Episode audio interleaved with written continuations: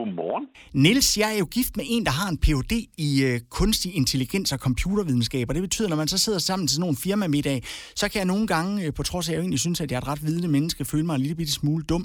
Er det normalt det her med, at når man sidder sammen med mennesker, der ved mere end dig, at så, øh, så føler du dig lidt dum? Ja, jeg kan sagtens selv genkende det. Jeg, jeg møder mennesker, der er meget klogere end mig, ofte. Og, og det er jo faktisk lidt interessant, fordi hvis man lige prøver sådan at tænker lidt over det, hvor, hvorfor er det egentlig sådan? Jamen så vil nogle gange opleve, at det kan være fordi, man er sammen med nogen, der er gode til at formulere sig og lyde kloge. Og der kan man slappe helt af, for de skal nok afsløre sig selv. Øh, men man kan også være sammen med nogen, som rent faktisk er kloge, og det er jo noget helt andet. Og der er der altså to ting, som, som jeg synes, man skal prøve at huske på. For det første, og det synes jeg, det, det, det er faktisk ret væsentligt, det her, det er, at livet er jo ikke en konkurrence. Og man er jo ikke mere værd, fordi man er gået på universitetet eller har en Ph.D. i et eller andet. Og det andet, der er vigtigt at huske på, det er jo, at man med garanti kan noget, som de ikke kan. Noget, de er misundelige på. Det synes jeg er super interessant op og ligesom prøve at tale sig selv lidt op. Det kan være, at man har nogle særlige evner og nogle menneskelige kvaliteter. Det har du, Søren. Du er jo du har jo empati, du er rigtig dygtig til at tale med folk.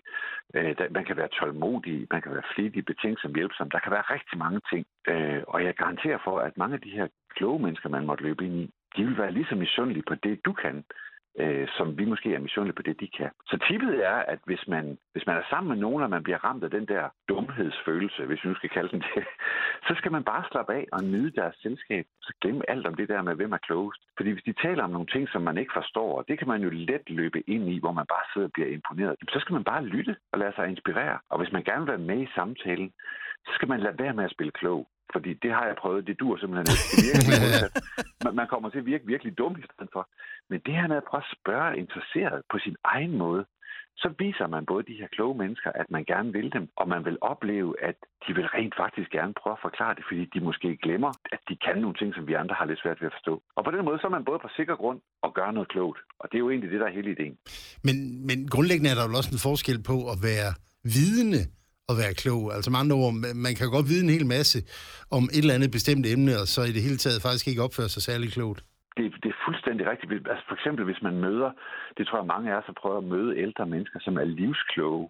Mm. Og det handler jo ikke om, at de har læst mange bøger eller studeret rigtig meget.